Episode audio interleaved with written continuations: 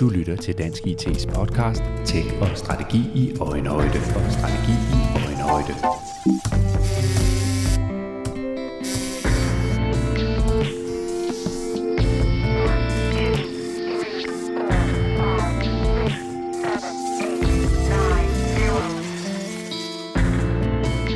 Velkommen til en ny omgang Tech og Strategi i Øjenhøjde. Denne episode er sponsoreret af Teknologipakten og er produceret i et samarbejde med Internet Week Danmark, IV.dk. Det skal handle om behovet for at skabe større diversitet i de danske bestyrelser, så man blandt andet i langt højere grad end i dag kan få nogle digitale profiler ind i bestyrelseslokalerne, og på den måde kan hjælpe virksomhederne med at finde den rette kurs mod en fremtid, hvor arbejdet med IT og digitalisering er helt afgørende for, hvordan man klarer sig på markedet. Min gæst er Laura Vilsbæk, selvstændig digital konsulent og forfatter til bogen Du behøver ikke hedde Jens og gå i jakkesæt. Og så er hun i øvrigt selv aktiv i en række bestyrelser. Velkommen til dig, Laura. Tusind tak. Vi skal tale om, hvordan vi kan opnå øh, større diversitet i de danske bestyrelser. Og lad os bare lige tage fat på det begreb diversitet først. Hvad ligger du i, i det begreb? Jamen for mig handler diversitet jo rigtig meget om forskellighed. Og det handler om alle mulige former for, for forskellighed. Og det er meget sjovt, fordi når man er kvinde og taler om diversitet, så er der hurtigt nogen, der tror, at man taler om kønsdiversitet. Især når man taler om diversitet i bestyrelser. Og for mig der handler det faktisk om alt muligt andet også. Det handler også om kvinder, men når vi kigger på bestyrelser, så har vi faktisk en massiv form for homogenitet. Så for mig er diversitet i virkeligheden det modsatte af homogenitet. Og hver gang jeg siger homogenitet, så tænker jeg, vi forsømmer nogle muligheder her. Der er simpelthen nogle perspektiver, vi ikke får bragt i spil. Så for mig er det i virkeligheden bare, at vi kan gøre alt andet end homogenitet. Så er vi på, øh, på, den, på det rigtige spor. Mm. Og så lad os lige prøve at få fat i, den, i den anden, det andet vigtige øh, begreb her, nemlig bestyrelserne. Hvad ja. er en bestyrelse egentlig, og hvad, hvad gør en bestyrelse egentlig? Prøv ja. at, at fortælle lidt om det. Det er et skide godt spørgsmål, fordi det taler vi overhovedet ikke om. Nogle gange så ser vi i uh, børsen, at uh, Mærsk aflægger et årsregnskab, eller at Danske Bank kommer med nogle forventninger til det næste kvartal. Og der, der ser vi nogle bestyrelser, som godt sådan kan være lidt svære at forholde sig til, fordi det er sådan alle spidserne, der står der. Men øh, bestyrelsesarbejde er jo noget, der foregår i alle mulige virksomheder herhjemme i Danmark. Og i virkeligheden så er bestyrelsen virksomhedens øverste strategiske ledelse. Så man har en direktion, men man har også en bestyrelse, og bestyrelsen står faktisk over direktionen. Øh, helt formelt set, så har bestyrelsen et kontrolansvar, så bestyrelsen skal sikre, at der er en forsvarlig drift, altså at virksomheden ikke øh, går konkurs i morgen, sådan lidt hårdt sagt, ikke? Men udover det, så skal bestyrelsen faktisk levere strategisk sparring på de problemstillinger, der nu er i virksomheden, eller de der strategiske muligheder, man nu ser. Så i virkeligheden er bestyrelsen i de små og mellemstore virksomheder, som vi jo lige skal huske udgør 99 procent af alle danske virksomheder, der er bestyrelsen i virkeligheden en sparringspartner for direktionen, hvor man diskuterer de store strategiske agendaer. Mm. Og du Ja, du har skrevet en bog, der hedder øh, Du behøver ikke hedde Jens og gå i jakkesæt. Titlen for, fortæller næsten uh, det hele. Og så står du uh, bag et, et site, der hedder nybestyrelsen.dk. Og du taler på, på IVDK, hvor, hvor dit oplæg blandt andet handler om, om det her med, hvordan vi kan få flere digitale profiler ind i bestyrelserne. Mm. Hvorfor, hvorfor skal vi have det? Hvorfor er det vigtigt? Jamen, det ligger lidt i forlængelse af det, jeg sagde lige før, fordi hvis virksomhederne skal, hvis bestyrelserne skal kunne give kvalificeret strategisk sparring på de største strategiske udfordringer og muligheder for de danske virksomheder, så er digitalisering det aller, aller største tema i det her år. Øh, de virksomheder, der ikke har digitalisering på agendaen, det er enten fordi, de er født digitale, så man faktisk ikke behøver at tale om det, men vi har også rigtig mange virksomheder, som har rigtig mange år på banen, og de er selvfølgelig nødt til at sætte digitalisering på agendaen. Og når man sætter det der store strategiske, strategiske tema op og siger, det her vil vi lykkes med, så er det simpelthen også nødt til at komme på bestyrelsens agenda, fordi det er bestyrelsen, der er med til at beslutte, hvor allokerer vi ressourcerne hen, hvor er det, vi prioriterer vores kræfter, hvor er det, vi ser væksten. Så derfor skal vi altså også kunne tale kvalificeret om digitalisering på bestyrelsesniveau. Så tænker jeg, at øh, der kunne jo godt være nogle øh, bestyrelser derude, der, der siger, jamen det har vi. Vi mm. har digitale profiler. Vi har styr på det her med digitalisering. Vi laver stort set ikke andet end at tale om digitalisering, om digital transformation og ja. digitale strategier. Og hvad har vi? Ja. Hvad er dit øh, svar til det? Jamen, øh, det er jo super godt, hvis de gør det. og hvis de også formår at få virksomheden til at eksekvere på det. Fordi de diskussioner, vi har i bestyrelseslokalet, de er jo intet værd, hvis ikke virksomheden får eksekveret på tingene. Jeg ser også nogle bestyrelser, som er lidt langt fra virksomhedens hverdag, og så kan man godt træffe nogle super gode øh, sådan forretningsmæssige beslutninger. Men hvis man aldrig rigtig får eksekveret på tingene, fordi man ikke har tid eller ressourcer eller kompetencer, i driftsorganisationen, så kan det ikke nytte noget, vi taler om det på bestyrelsesniveau. Så i virkeligheden så er bestyrelsens fornemmeste opgave overhovedet at sætte det på agendaen, men også sørge for, at det er en agenda, der kan eksekveres på. Altså strategi er ingenting uden implementering. Så det er også vores opgave at gå i dialog om, hvordan sikrer vi så, at tingene rent faktisk også sker. Hvis vi så øh, tager udgangspunkt i det her med de digitale profiler, mm. hvordan øh, ser en digital profil ud? Eller spurgt på en anden måde, hvordan skaber man diversitet inden for det med de digitale profiler? Ja, rigtig god pointe. Altså grunden til, at jeg sådan, øh, sådan lidt let købt siger digitale profiler, som jo virker sådan, øh, sådan meget unuanceret i virkeligheden, ikke? fordi du og jeg ved jo godt, hvor meget digital egentlig dækker over. Så kan man sige, at grunden til, at jeg siger det, det er, at vi simpelthen til at starte med overhovedet ikke har en faglig diversitet i vores bestyrelser. Så for det første, så har vi sådan en meget ensformet øh, uddannelsesbaggrund, øh, erfaringsmæssig baggrund. Øh, vi har mange administrerende direktører, som har drevet virksomheder i mange år. Så vi har sådan en relativt homogen sammensætning. Og derfor siger jeg, kan vi bare komme med nogen med en digital erfaringsbaggrund, som har arbejdet med noget digitalt, så har vi allerede brudt homogeniteten og bragt en ny faglighed i spil.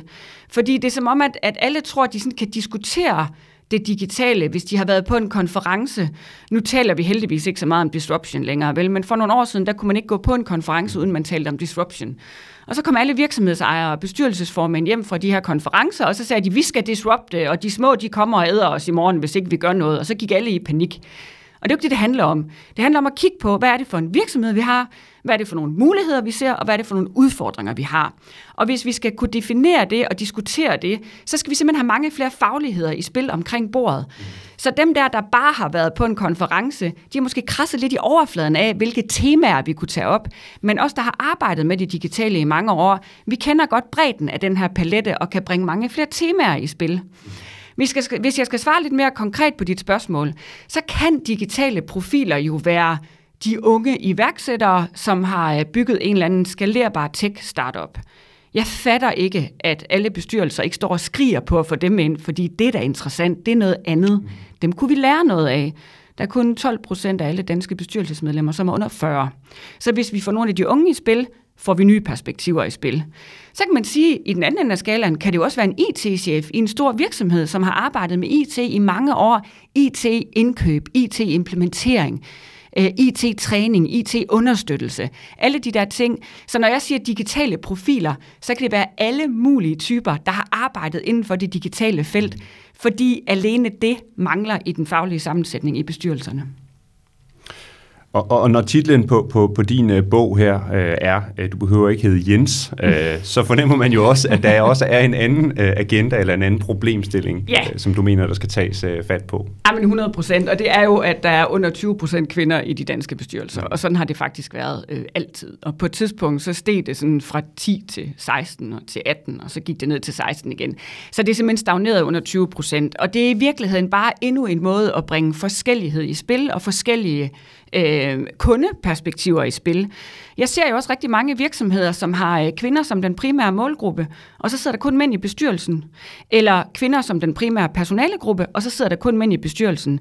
Og det er ikke fordi kvinder og mænd er væsens forskellige, fordi jeg har også fundet kvinder, som er meget maskuline, og mænd, som er mere... Også kvinder, der går i jakkesæt. Præcis, og jeg har faktisk et på i dag, og det har jeg ikke ret tit, men det har jeg lige i dag. Så, så, så det er virkelig noget med at bryde nuancerne. Og jeg har faktisk fået lavet sådan nogle små fine klistermærker, for at Jens ikke skulle blive ked af det, så jeg har faktisk nogle klistermærker, der hedder hedder, du behøver ikke hedde Jens, men du må gerne. Så det er jo ikke fordi, at Jenserne ikke må være i de danske bestyrelser. Problemet er bare, at hvis det kun er Jenser i jakkesæt, så er der simpelthen nogle strategiske perspektiver, vi misser. Jeg forestiller mig, og det kan jo godt være, at jeg er naiv på det punkt, men jeg forestiller mig, at man jo rent faktisk er kommet langt i forhold til øh, et, øh, et mindset omkring den her diversitet i mange bestyrelser, så at man er der, hvor man i hvert fald har talt om, at vi vil gerne have diversitet. Og det er ikke sådan, at man sidder fastlåst, det vil sige, vi vil ikke have nogen mm. unge mennesker ind, vi vil ikke have nogen øh, digitale profiler ja. ind, vi vil ikke have nogen eller flere kvinder ind, mm. men at det er nogle andre ting, der gør, at det så ikke sker, eller i hvert fald ikke sker hurtigt nok. Mm. Hvad tænker du om det? Jamen, vi er jo oppe imod den kæmpe store barriere, der hedder plejer. Vi gør, som vi plejer. Og det er faktisk veldokumenteret, at når man rekrutterer til de danske bestyrelser, de danske SMV-bestyrelser, som er langt de fleste danske virksomheder, så spørger man i over 80 procent af alle tilfælde i netværket. Og når vi kun spørger i netværket, så får vi jo nogen, der kender, får vi nogen, vi kender, og vi får også tit nogen, der ligner os selv i et eller andet omfang, eller i hvert fald på en række parametre. Det er under 4% af alle bestyrelsesposter, der bliver besat i åbne søgninger.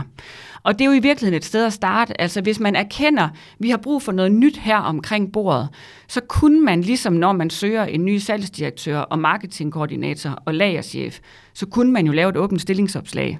Beskrive, hvad er det for en profil, vi har brug for, hvad er det for nogle kompetencer, vi har brug for, hvad er det for nogle opgaver, vi gerne vil have løst her i bestyrelsen, og så gå ud med det åbne opslag i en mere eller mindre professionel rekruttering. Man kan jo bare køre den selv, lave opslaget på LinkedIn, og de ejerledere, der har gjort det, har jeg fulgt op på mange af dem. Og de er jo faktisk overvældet over, hvilken respons de får. Altså, hvor mange interessante kandidater, der byder sig til, hvis de først gider at spørge ud i det åbne rum.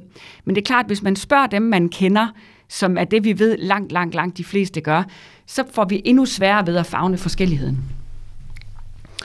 I lytter fortsat til Dansk IT's podcast, Tech og Strategi i Øjenhøjde. Øh, vi er sponsoreret af Teknologipakken. Denne episode er sponsoreret af Teknologipakken, og den er produceret i et samarbejde med Internet Week Danmark, hvor Laura Vilshøj, äh, Vilsbæk, undskyld, øh, dagens gæst, hun er blandt øh, oplægsholderne og, og skal tale om diversitet i bestyrelserne. Og øh, Laura. Hvis nu vi så siger, at vi har styr på, hvad diversitet, hvad der ligger i det, vi har styr på, hvad en bestyrelse laver, og så taler vi om, at vi skal have mere diversitet. Hvad er det for et potentiale eller nogle perspektiver, der er i, hvis vi rent faktisk her i dansk erhvervsliv kan formå mm. at skabe en øget diversitet i bestyrelserne? Ja, øhm, der er rigtig mange studier, der viser, at øh, med diversitet, så træffer vi bedre beslutninger, vi træffer mere langsigtede beslutninger. Øh, og det er simpelthen, fordi vi kommer hele vejen rundt, inden vi lynhurtigt går i løsningsmode. Så det, der viser sig, når man går fra en homogen til en forskelligt sammensat bestyrelse, det er, at måske tager det lidt længere tid at komme frem til en beslutning. Til gengæld bliver det nogle bedre forretningsmæssige beslutninger, vi træffer, fordi vi simpelthen har taget flere perspektiver med ind tidligt i dialogen, inden vi er gået i gang med at eksekvere noget, og så finder ud af, hov, det virkede ikke, og hvorfor har vi ikke tænkt på det? Så det er simpelthen et spørgsmål om, at vi får både nogle bedre faglige diskussioner, vi får mere forskellighed ind så tidligt, at vi også kan opdage i virkeligheden, at vi er ved at begå en fejl, eller er det overhovedet det rigtige problem, vi er i gang med at løse. Så, så, så hvis vi får mere forskellighed ind generelt med den helt brede pensel, uddannelse, erfaring, øh, alder, kompetencer, køn, alt muligt andet, så får vi simpelthen nogle meget bedre diskussioner og træffer nogle bedre beslutninger. Og der kan vel ikke være, være nogen tvivl om, at det jo haster det her, mm. især med de digitale profiler. Vi står midt i en, en kæmpe, kæmpe forandring af måden, man driver virksomhed på, og der mm. er ikke den SMV, som ikke er under pres. Mm. Øh, om det så er Amazon, der er den store øh, spiller, der kommer og presser, eller om det bare i det hele taget det her med, at ting bliver globalt, og det bliver digitalt hele vejen rundt, så man lige pludselig har en helt ny portefølje af konkurrenter, man skal forholde sig til. Mm. Så, så det, er vel, øh, det er vel nu, der skal ske noget? Ja, men det er nu. Og der er rigtig mange barriere, fordi man kan sige, at vi har slet ikke talt om sammensætningen af de danske bestyrelser i den forstand, at vi jo stadigvæk har rigtig mange familiebestyrelser. Og det er dem, vi sådan lidt karikeret kalder tantebestyrelser. I virkeligheden så er de jo onkelbestyrelser, fordi det er rigtig mange mænd, der sidder der. Men vi har faktisk rigtig mange tantebestyrelser. Og hvis vi starter med at skifte ud i de der tantebestyrelser og sætte nogle eksterne medlemmer ind, så har Center for Ejerlede virksomheder på CBS faktisk dokumenteret, at allerede i år 1, der øger vi omsætning og produktivitet. Så er der simpelthen en sammenhæng mellem professionalisering af bestyrelserne og værdiskabelsen. Og så kan man sige, at det er bare eksterne medlemmer, de, øh, de måler på. Så det er simpelthen, der kommer nogen, der hedder noget med et andet end efter, efternavn, og så antager man, at de er rekrutteret på en eller anden form for kompetence. Men det fede, det var jo, hvis man sagde, vi har en stor strategisk udfordring i for eksempel digitalisering. Jeg ser en anden stor driver lige nu, som også er bæredygtighed. Altså, der er også rigtig mange virksomheder, der har brug for at sætte bæredygtighed på dagsordenen. Hvis ikke man har det på den strategiske agenda i bestyrelsen, så misser man simpelthen nogle mm. perspektiver. Men vi er oppe imod nogle bestyrelser, og det er så en anden bestyrelsesform, som ikke nødvendigvis er familiebestyrelsen, tantebestyrelsen, men det er kontrolbestyrelsen. Så det er den bestyrelse, der lever i det der lidt gamle paradigme med, at bestyrelsen er sat i verden for at kontrollere, at der er en forsvarlig drift i virksomheden. De har bare ikke lige taget det der perspektiv med, at de faktisk også er den øverste strategiske ledelse. Mm. Så, så der er ret meget, vi skal flytte i bestyrelsernes perspektiv og sammensætning, inden vi egentlig kommer til det med de digitale profiler. Men jeg vil jo håbe, at når man øh, i familiebestyrelsen konstaterer, at vi i virkeligheden de rigtige til at byde ind på de her udfordringer, at man så siger, vi har faktisk nogle udfordringer på det digitale. Lad os starte med at tage en digital profil ind. Altså, det er jo en super nem måde at shortcutte hele den der udviklingsproces på. Men altså, der er noget i bestyrelsernes natur, og øh, det er jo kulturelt og historisk betinget, som gør, at det åbenbart er lidt svært. Mm. Men nu lytter de forhåbentlig til det her, og, og det er en øjenåbner, og så, så kan vi komme videre i teksten. Ja.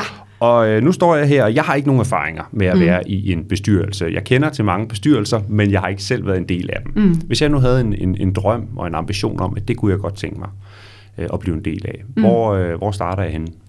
Det er mit yndlingsspørgsmål i hele verden, fordi det siger mig i virkeligheden, at selvom du står der og ikke hedder Jens og går i jakkesæt og ligner de traditionelle profiler, så har du faktisk fundet ud af, at det kunne være interessant, og at du måske også har noget at byde ind med.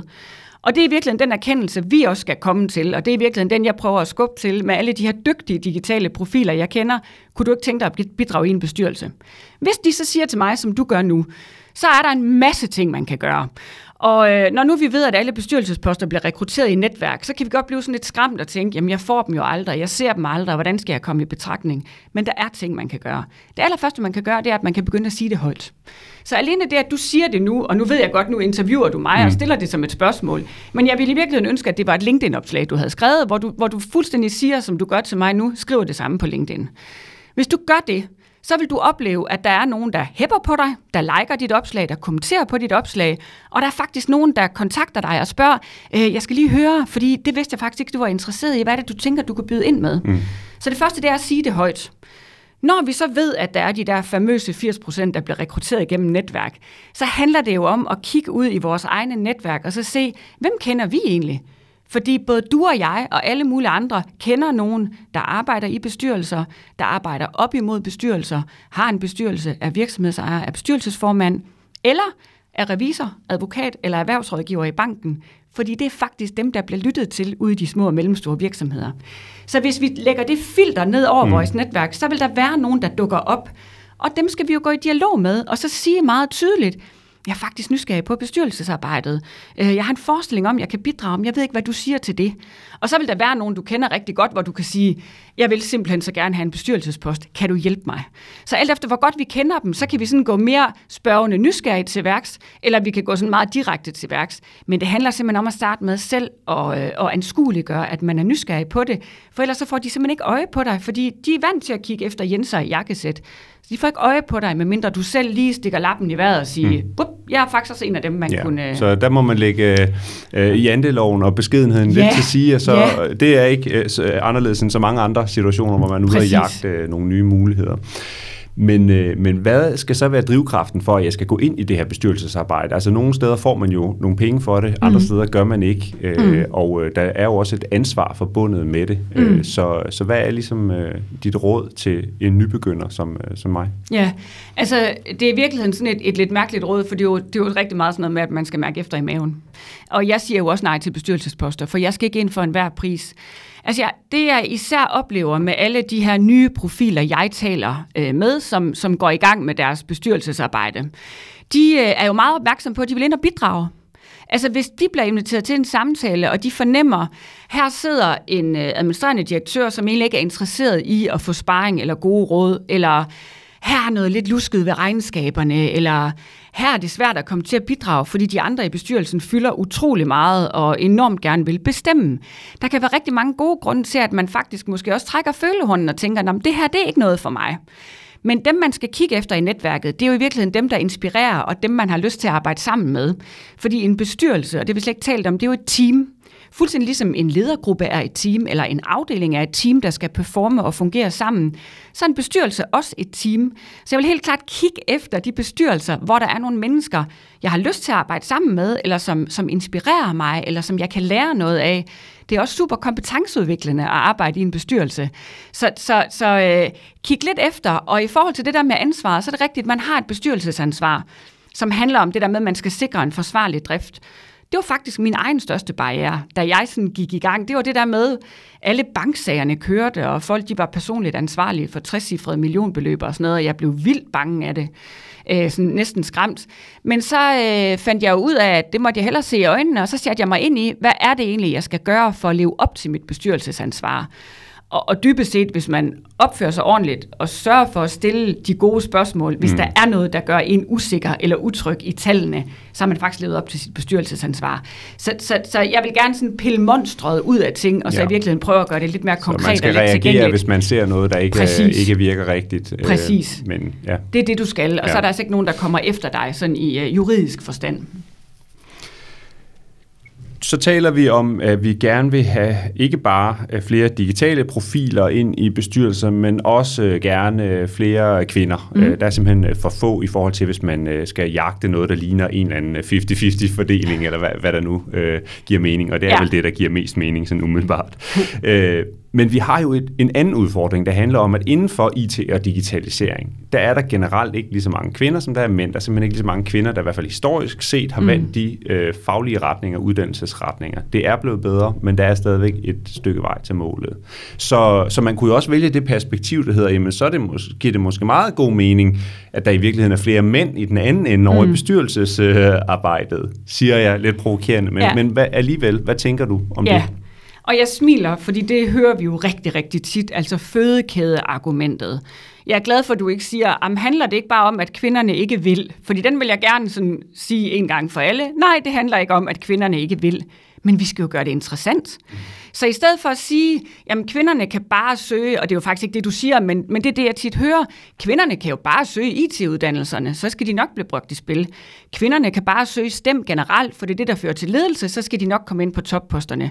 Jeg køber den simpelthen ikke, fordi det er klart, det er den direkte vej, sådan som verden ser ud i dag. Men, men hvornår var det lige vi bestemt, at det var en stemuddannelse, der var den allerbedste forudsætning for at bidrage helt vildt godt i en topledelse, direktion eller bestyrelse? Så, så jeg vil godt sætte øh, spørgsmålstegn ved hele det der argument. Og så kan man sige, det vi tit gør, når vi diskuterer, hvordan vi får flere kvinder ind øh, på IT-uddannelserne, som jo klart vil være rigtig, rigtig godt på, af alle mulige årsager, så kommer vi til at tale om, at det er kvinderne og kvinderne og kvinderne. Hvor hvis vi gad at løfte det som en samfundsudfordring, det er faktisk en samfundsudfordring, at kvinderne ikke søger. Det er en samfundsudfordring, at vi ikke har kvinder i ledelse og bestyrelser. Så bliver dialogen en helt anden. Og noget af det, jeg hæfter mig ved, det er, at en formand som øh, Lars Rasmussen for eksempel, han siger det jo direkte, når de har haft svært ved at rekruttere kvinder i hans bestyrelse, så siger han, det er jo min udfordring. Vi har en kæmpe udfordring, når kvinderne siger nej jeg vil gerne have de der kvinder ind og går i dialog med nogen. Så siger han, så siger de nej, det er jo vores udfordring. Så må vi jo finde ud af, hvordan vi kan gøre det anderledes for at tiltrække de dygtige kvinder. Så, så, så jeg, altså jeg, jeg forstår godt fødekædeargumentet helt rationelt, men nogle gange så synes jeg simpelthen også for det første, at det bliver en dårlig undskyldning, for vi kan jo trods alt starte med at tage dem, der er. Altså, det er jo ikke fordi, de slet ikke findes. Vi starter med at tage dem, der er, og så kan vi i virkeligheden sige, hvordan gør vi det til en samfundsmæssig udfordring, at vi skal have kvinderne ind på de her uddannelser, i stedet for at vi gør det til kvindernes individuelle ansvar, mm. fordi de må da og, selv bestemme. Og hvis vi tager fat i det med, med samfundsudfordring, og vi hæver os lidt op i helikopterperspektivet, mm. så kan man vel også sige, at det her det handler jo grundlæggende om, at det er et af de kort, vi kan have på hånden i en global kon- øh, mm. konkurrence, mm. Mm. hvis vi kan få omstillet dansk erhvervsliv og bestyrelserne, der ligesom er fundamentet under alt det her, til mm. at netop have den diversitet, hvor der er kvinder og mænd og mm. unge og gamle, og nogen med en form for faglig baggrund og nogle andre, sådan så at der bliver skabt en eller anden form for dream team ude i bestyrelserne, der kan pege ind i fremtiden. Ja, men fuldstændig. Altså det er jo en direkte øh, vej til værdi og, og, øh, og vækst. Mm. Øh, og det er jo også værdiskabelse på den bredere palette, fordi vi får faktisk skabt nogle bedre virksomheder. Nogle virksomheder, det er sjovere at arbejde i. Nogle virksomheder, der er mere inkluderende og fagnende. For ikke bare, nu taler vi mænd og kvinder meget binært, men vi har jo alle mulige andre køn i virkeligheden. Mm. Vi har alle mulige andre øh, grupper, vi skal inkludere på vores arbejdsmarked. Så jo flere perspektiver vi får i spil i toppen, jo mere inkluderende arbejdspladser kan vi i virkeligheden bygge, og så kan vi for alvor skabe noget værdi i samfundet. Laura Vilsbæk, vi skal øh, så småt til at runde af, men nu har vi talt rigtig meget om, øh, hvad øh, det er, vi skal prøve at opnå med diversitet i bestyrelserne, og hvad der kan komme ud af det øh, mm. af gevinster.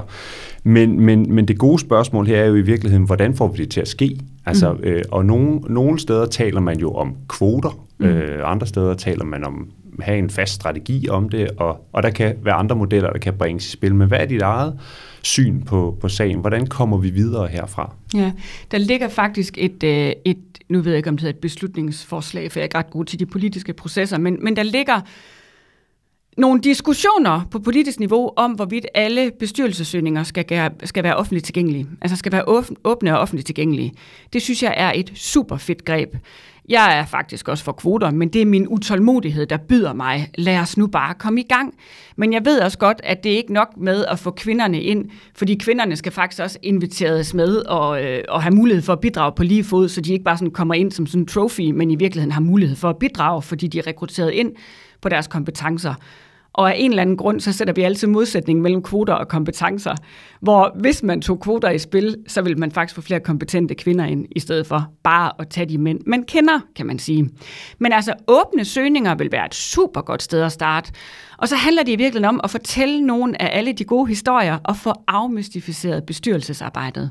Fordi så længe vi slet ikke taler om bestyrelsesarbejdet, hvad man helt konkret laver og gør det lidt mere let forståeligt og lidt mere let tilgængeligt, så reserverer vi det altså til alle Jenserne i jakkesæt og deres lukkede klub, fordi de til synlædende har forstået, hvad det mm. handler om. Så jeg kunne også godt tænke mig, at vi taler meget mere om SMV'erne og deres bestyrelser, fordi for ligesom at åbne folks øjne for, når man, det kunne egentlig også være interessant at bidrage. Vi taler simpelthen for lidt om SMV'erne generelt. Og øh, nu kan man jo sige, at, at kvoter kunne så være en vej, men, men hvis jeg skulle lege Rasmus modsat her, så kan man også sige, at vi opnår vel ikke øh, slutmålet, hvis vi så siger, kønskvoter mm. alene, mm. Øh, så får vi en masse øh, konnier i jakkesæt, eller hvad vi nu skal kalde dem. Yeah. Og det er jo også fint at få nogle af dem ind. Yeah. Men, men, men pointen her er vel stadigvæk, at diversitet er noget, der går i mange retninger. Fuldstændig. Køn er et parameter, men der er andre parametre, der også er, er vigtige. Ja, men lige præcis. Og jeg tror faktisk, der er nogle amerikanske undersøgelser, som viser, at hvis man får startet på kønsdiversiteten, og man får brudt den første sådan, flanke af homogenitet, så får man faktisk langsomt brudt andre former for homogenitet også.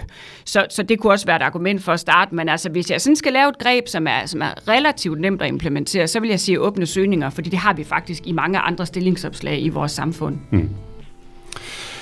Laura Vilsbæk, du har skrevet en bog, der hedder Du behøver ikke hedde Jens og gå i jakkesæt, og vi kan sige, at øh, jeg hedder ikke Jens, du hedder ikke Jens, og ingen af os har et jakkesæt på, så, så lidt, lidt er vi der kommet hen ad vejen. Tak fordi du var med. Mange tak for invitationen. Og I kan som sagt øh, møde øh, Laura på øh, Internet Week Danmark i maj måned, hvor hun holder et oplæg om dette emne, og hvor Dansk IT også er med som partner. Så gå ind og tjek det på ivdk.dk. Tak fordi I lyttede med.